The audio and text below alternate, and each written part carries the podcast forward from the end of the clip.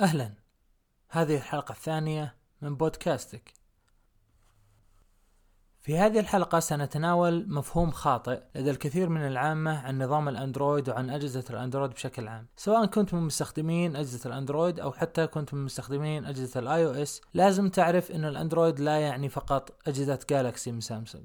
يوجد حاليا أكثر من 400 مصنع لأجهزة الأندرويد في العالم ويوجد أكثر من 20 ألف نموذج لجهاز يعمل بنظام الأندرويد أيضا. ولو رجعنا لأخذ نبذة تاريخية عن النظام نجد أنه عام 2005 كان هناك شخص يدعى أندي روبن وهو المؤسس الحقيقي لنظام الأندرويد حيث كان النظام في ذلك الوقت مخصص للكاميرات الرقمية وبسبب مشاكل مادية في الشركة تمكنت جوجل من السيطرة والاستحواذ على نظام الأندرويد وبعد تطوير على النظام من جوجل لمدة سنتين تمكنت جوجل عام 2007 من طرح النظام بشكل رسمي في الأسواق بنظام ال open source أو النظام مفتوح المصدر. ماذا يعني مفتوح المصدر؟ يعني أن أي شركة مصنعة للهواتف في العالم تستطيع أخذ النظام وتبنيه بدون أي مقابل. النظام مفتوح المصدر يتيح للشركات إضافة لمساتها الخاصة على النظام الخام وذلك لجلب الكثير من العملاء الجدد والراغبين في واجهة الشركة الخاصة المبنية على نظام الأندرويد. فنجد حاليا أن أغلب مصنعين الهواتف يتبنون واجهة خاصة بهم. فمثلا نجد أن سامسونج عندها واجهة خاصة بها اسمها TouchWiz استبدلتها بواجهة جديدة اسمها One UI في العام الماضي. وقبل أقل من أسبوع أصدرت الإصدار الثاني من هذه الواجهة باسم One UI 2.0 واجهة سامسونج One UI مثلا تختلف عن النظام الخام من ناحية شكل الأيقونات من ناحية إعدادات من ناحية ميزات إضافية تضيفها سامسونج على النظام. وليجعل مستخدم أجهزة سامسونج يميز أجهزة سامسونج عن غيرها من أجهزة الأندرويد. أيضا شركة شاومي الصينية عندها واجهة خاصة بها باسم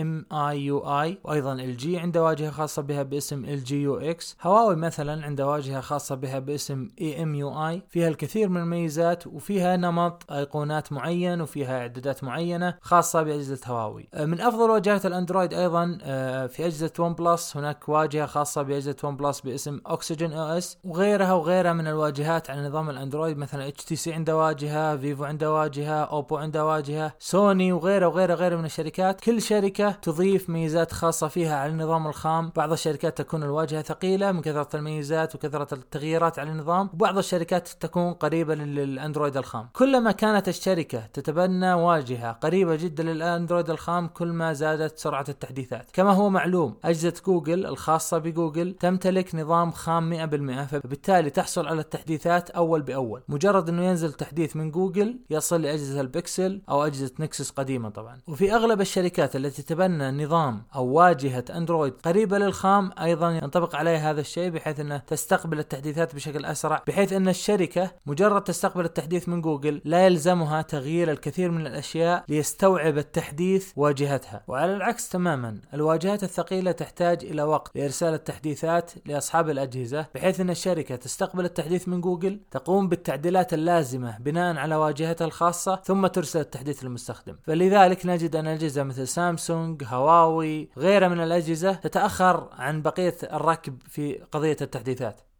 نأتي لمسألة أخرى هي مهمة أيضا وهي مسألة كثرة الميزات في كل واجهة، فمثلا نجد أن هواوي، سامسونج، شاومي هذه الأجهزة في الحقيقة تملك واجهات ثقيلة نوعا ما، والسبب هو كثرة الميزات المحشوة داخل النظام. يوجد أجهزة بميزات متوسطة، يوجد أجهزة بواجهات تقدم ميزات قوية جدا، ويوجد أجهزة أقرب للأندرويد الخام بأقل ميزات ممكنة. أي واجهة هي الأفضل، أي واجهة هي الأكفأ، أي واجهة هي الأقل صرفا مثلا للبطارية، أي واجهة هي الاقوى آه، أي واجهة الأكثر استقرارا كل هذه الأشياء يحددها المستخدم واحتياجاته. فمثلا هناك شخص يريد الوظائف الأساسية للنظام ونظام مستقر وهادئ وليس فيه كثرة ميزات وحشو. هذا أفضل يأخذ أندرويد خام أفضل يأخذ مثلا أجهزة ون بلس وغيرها من الأجهزة. بينما شخص آخر يقول أنا أريد كثرة الميزات أريد أحدث التقنيات الموجودة في الأجهزة غالبا يلجأ إلى أجهزة سامسونج أجهزة هواوي مثلا أو حتى أجهزة شاومي. فعليا يوجد الكثير من الميزات اللي كانت موجودة على واجهات أندرويد قديما وأتت الميزة متأخرة بسنوات على الأندرويد الخام. فمثلا نظام split screen أو فصل الشاشة إلى نصفين تطبيق في الأعلى وتطبيق في الأسفل. هذه الميزة أصدرتها سامسونج مع Galaxy Note 2 بينما تبنتها جوجل قبل سنتين تقريبا في الأندرويد الخام. إضافة إلى ذلك يوجد العديد من الميزات التي تأتي مع واجهات مثل واجهة سامسونج وواجهة هواوي واللي ما زال النظام الخام لم يتبناها. مثال على ذلك ميزة موجودة في أجهزة سامسونج من ال S5 تقريبا باسم Download Booster أو مسرع التنزيل. هذه الميزة تسمح للمستخدم بدمج سرعتي الواي فاي وال LTE معا لتحميل ملف كبير الحجم. وأيضا ميزات في واجهة هواوي مثل النقر على الشاشة وأخذ screenshot أو تصوير للشاشة وغيرها وغيرها من الميزات اللي تدعمها واجهة هواوي دون بقية الواجهات. وفعليا عدد الواجهات الخاصة بنظام الأندرويد عدد كبير جدا. لا يمكن تغطيته في مثلا في حلقة واحدة. من ضمن هذه الواجهات واجهة خاصة بشركات 360 الصينية وهي شركة خاصة بالحماية ومكافحة الفيروسات مثل مكافي مثل نورتن وغيرها هذه الشركة تقوم بتشفير هواتفها hardware و software أو عتاد وبرمجيات بشكل كبير جدا حتى إن التشفير يصل إنه يمنع وصول بيانات الموقع إلى مشغل الشبكة المزودة للخدمة مما يمنح المستخدم مستوى عالي من الخصوصية والأمان. للي ما فهم قضية منع وصول بيانات الموقع إلى مشغل الشبكة مزود الخدمة هي باختصار إن هواتفنا الآن أغلبية منها يمنح شركة الاتصال أو مشغل GSM الخاص فيك آه، باستخراج موقعك بالضبط حتى لو ما كان عندك خدمة إنترنت حتى لو كان آه، جوالك مثلا على وضع الطيران أو غيره. يستطيع مشغل الخدمة استخراج موقعك الحالي بكل سهولة. فعليا أجهزة 360 عن طريق واجهتهم الخاصة المشفرة تمنع مزودين الخدمة من استخراج هذه المعلومات من جهازهم. نأتي لنقطة أخرى وهي كثرة أو تعدد نماذج أجهزة الأندرويد في العالم، كما ذكرت سابقا عدد النماذج المسجلة لأجهزة الأندرويد في العالم تجاوز العشرين ألف نموذج، وعدد المصنعين تجاوز ال 400 مصنع. عام 2015 مثلا عدد الأجهزة التي أعلن عنها فوق 600 جهاز، 600 جهاز في عام واحد فقط، وعلى ذلك يمكنك أن تقيس عدد الأجهزة الكلي التي تتبنى نظام الأندرويد. بهذه الأرقام يمكن أن نفند ادعاء أي شخص يدعي أنه جرب الكثير من أجهزة الأندرويد أو جرب أغلب أجهزة الأندرويد. بناء على الأرقام السابقة يجب أنك تجرب 200 جهاز أندرويد عشان تتمكن من تجربة 1% فقط من النماذج الموجودة لأجهزة الأندرويد. ننتقل لنقطة أخرى مهمة جدا وهي قوة الصانع الصيني أو قوة الصين في السيطرة على سوق الهواتف. فعليا الكثير من المصنعين الآن صينيين، عندك هواوي، أوبو، فيفو، شاومي، ون بلس وغيرها وغيرها من الشركات. كل هذه الشركات تقدم أجهزة بعضها يقدم نسخ عالمية ونسخة خاصة في الصين وبعضها يقدم نسخة خاصة في الصين فقط. فأنت إذا جيت تجرب أي جهاز لازم تتأكد أنها تقدم خدمات جوجل، لازم تتأكد أنها تدعم الشبكات لدينا في بلداننا، لازم تتأكد أنها تدعم اللغة العربية ولازم أيضا تتأكد أنها تشحن للسعودية مثلا أو غيرها من البلدان. لأن أسواقنا في الشرق الأوسط وفي الخليج تحديدا فقيرة بالأجهزة الصينية مقارنة بالصين. فمثلا عندنا هواوي موجودة بقوة نعم وون بلس موجودة أيضا في عدة متاجر إلكترونية في الخليج. أه ولكن مثلا شركة مثل شاومي تواجده على استحياء وأيضا النماذج المتوفرة في الخليج هي النماذج الضعيفة أو المتوسطة من شاومي. لا يتم توفير الأجهزة القوية و flagship غالبا. أوبو موجودة ولكن على استحياء وفي تطور مستمر في الآونة الأخيرة. آه، يوجد أجهزة كثيرة غير موجودة في الخليج والشرق الأوسط وغالبا هي بنسخ صينية مثل فيفو مثل آه، ميزو وغيرها وغيرها من الشركات اللي غالبا توفر نسخ صينية. فأهم شيء إذا عندك رغبة في شراء جهاز من الصين تأكد من النقاط اللي ذكرتها قبل قليل قبل الشراء. أخيرا هناك خريطة ذهنية ضخمة جدا من كتابة الأستاذ XQ55 أو عبد الرحمن عنزي آه، تشمل جميع مصنعي هواتف الأندرويد سواء من اليابان من كوريا من الصين. من تايوان من أمريكا أو من الهند أو إسبانيا. كل المصنعين لهذه الدول موجودين في هذه الخريطة. سأضع لكم رابط هذه الخريطة في المصادر أسفل البودكاست. والآن ننتقل لإخبار التقنية لهذا الأسبوع. الخبر الأول معنا اليوم أنه أخيرا واتساب قامت برسالة تحديث جلبت فيه ميزة آه، قفال التطبيق من خلال البصمة. آه، فعليا أنا استقبلت التحديث وأي شخص يريد قفل تطبيق واتساب من خلال البصمة آه، يذهب إلى تطبيق الواتساب ثم ثلاث نقاط في أعلى الزاوية ثم الإعدادات ثم الحساب ثم الخصوصية ثم قفل باستخدام بصمة الأصبع تطبيق واتساب من التطبيقات الصراحة اللي بطيئة في التطور نوعا ما. في ميزات كثيرة أتمنى أن تجي التطبيق بسرعة مثل الثيم الليلي اللي سمعنا أنه فيه نسخة بيتا من أندرويد دعمته فيمكن إنها قريبة جدا. آه أيضا من الميزات اللي أتمنى انها تجي إنه مثل تليجرام تفتح واتساب آه في جهازين بنفس الحساب. آه واتساب فعليا الآن لو معك هاتف وبتفتح نفس الرقم في هاتف ثاني آه يتم إخراجك من حسابك في الجهاز الأول. فأتمنى انه يكون تقدر تفتح الحساب نفسه أو الرقم نفسه في اثنين واتساب بنفس الوقت. طبعا في كثير من التسريبات اللي تشير إنه تطبيق واتساب بيجيب هالميزات قريبا بس ما في أي موعد محدد حتى الآن. الخبر الثاني معنا هو تعاون بين سامسونج ومايكروسوفت. آه اللي يذكر منكم خدمة Samsung Cloud اللي تعطيك 15 جيجا تقريبا من الإعدادات لتخزين صورك أو فيديوهاتك أو ملفاتك. فعليا قامت سامسونج بتنزيل هذه السعة من 15 جيجا إلى 5 جيجا بايت قبل فترة. والآن في تعاون جديد بين مايكروسوفت وسامسونج لربط خدمة OneDrive الخاصة بالتخزين السحابي من مايكروسوفت بأجهزة سامسونج من الإعدادات تعطيك 20 جيجا 5 جيجا المجانية إضافة إلى 15 جيجا لأجهزة سامسونج. 20 جيجا تعتبر آه، مساحة معقولة. و OneDrive آه، برنامج جربته قبل أنا في التخزين السحابي. جيد جدا ولكن شخصيا أفضل استخدام Google Drive مثلا.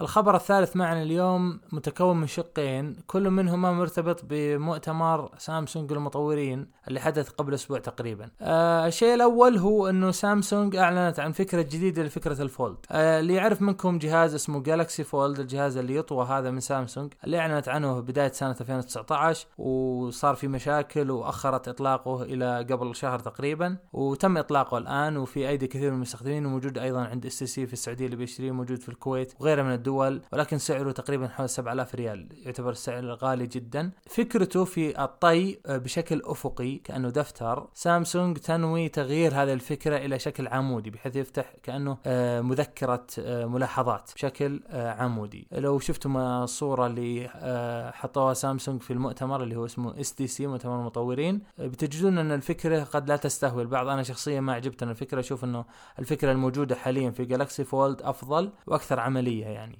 الشق الثاني من الخبر هو عن ميزات الواجهة الجديدة لسامسونج One UI أعلنت عن ميزات كثيرة من ضمنها يعني ارتباط الواجهة بالأجهزة الذكية داخل المنزل وال dark theme وال theme الليلي في الجهاز وأنه كثير من التطبيقات بيطبق عليها ال dark theme حتى لو ما كان التطبيق يدعم. آه، أيضا آه، من الميزات اللي عجبتني في One UI 2.0 هو أنه لما قفل الشاشة يكون عليه خلفية الساعة أحيانا لا تظهر بسبب لون الساعة يكون بالأبيض مثلا فتروح أنت من الاعدادات تغير لون الساعة عشان يكون أسود عشان يكون ظاهر. آه، في 1 يو اي 2.0 بتغير لون الساعة بناء على الخلفية اللي أنت تحطها. فمثلا لو خل... لو حطيت خلفية آه، باللون الأسود بتحول لون الساعة والتاريخ للون الأبيض. ولو حطيت خلفية باللون الأبيض آه، بيتحول لون الساعة والتاريخ للون الأسود بشكل أوتوماتيكي. الخبر الرابع معنا اليوم هو من شركة DJI الخاصة بتصنيع ال drones أو الطائرات بدون طيار اللي يستخدمها المصورين غالبا للتصوير في الأجواء طبعا. أعلنت عن آه، طائرة جديدة باسم Mavic Mini آه، طبعا آه، Mavic Mini هذه عبارة عن نسخة مصغرة من Mavic Pro اللي هي تعتبر طائرات للتصوير الاحترافي. طبعا وزنها بتكون 250 جرام وسعرها بيبدأ من 400 دولار تعتبر رخيصة السعر نسبيا. سلسلة Mavic غالبا فوق ال 1000 دولار. في سلسلة أقوى من ال Mavic اللي هي ال Phantom تقريبا آه، سعره بال 1800 دولار أو أعلى شوي ب 2000 دولار تقريبا. DJI المهتم بالتصوير آه، ب drones تعتبر قمة في الاحترافية ومن أفضل الشركات في العالم. الخبر الخامس معنا اليوم هو رئيس تويتر اللي اسمه جاك at Jack في تويتر آه، يؤكد إنه سيمنع الإعلانات السياسية على تويتر في جميع أنحاء العالم. فأي تغريدة أو حساب آه، ينشر محتوى سياسي سواء لترويج فكرة معينة تابعة للسياسة أو لنبذ فكرة أخرى سيتم حظر هذه التغريدات وسيتم آه، معاقبة أو حظر هذا الحساب.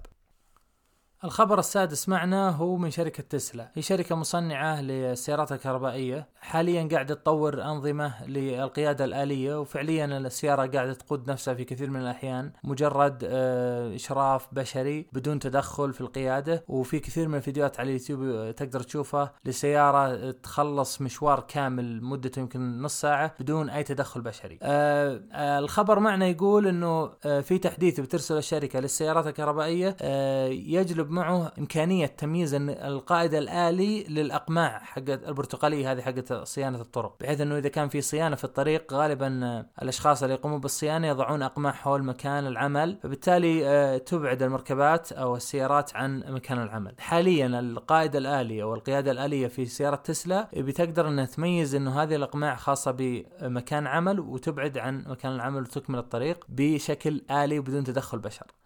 شركة تسلا صراحة يعني من الشركات اللي قاعدة تقودنا للمستقبل بشكل واضح جدا. أتوقع بعد عشر سنوات يمكن أقل أو أكثر بقليل آه، بتصير الشركات كلها آه، تحذو حذو تسلا وبيكون أغلبنا في سيارات آه، تقاد بشكل آلي بدون تدخل بشري.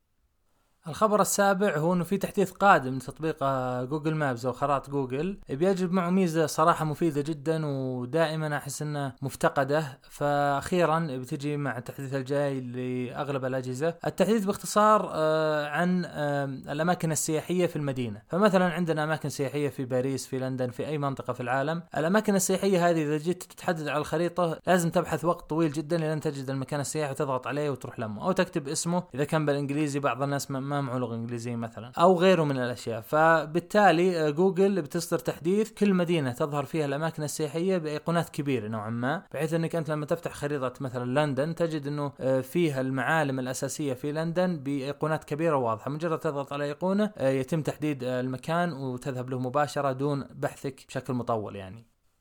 الخبر الثامن والأخير معنا اليوم هو أن أغلب الشركات أعلنت عن نتائج الربع الثالث لعام 2019 أكثر شركات مبيعا للهواتف كانت سامسونج بالصدارة ب 78.9 مليون جهاز بنمو يقدر ب 11% الشركة الثانية كانت هواوي ب 66.8 مليون جهاز بنمو يقدر ب 29% فيما كانت أبل في المركز الثالث ب 43.5 مليون جهاز وبمعدل نمو سالب 7 يعني في انخفاض بالنمو. آه شاومي رابعا ب 32.5 مليون جهاز بمعدل نمو سالب 3 ثلاثة بينما مجموع الأجهزة اللي تم شحنها في الربع الثالث من عام 2019 كان 352.4 مليون جهاز. في النهاية أتمنى أنكم استمتعتم واستفدتم من هذه الحلقة وأي استفسار أو سؤال أو ملاحظة أو إضافة جميع طرق التواصل موجودة في الأسفل إضافة إلى جميع المصادر اللي استندت إليها في هذا البودكاست. نشوفكم الأسبوع الجاي والسلام عليكم ورحمة الله وبركاته.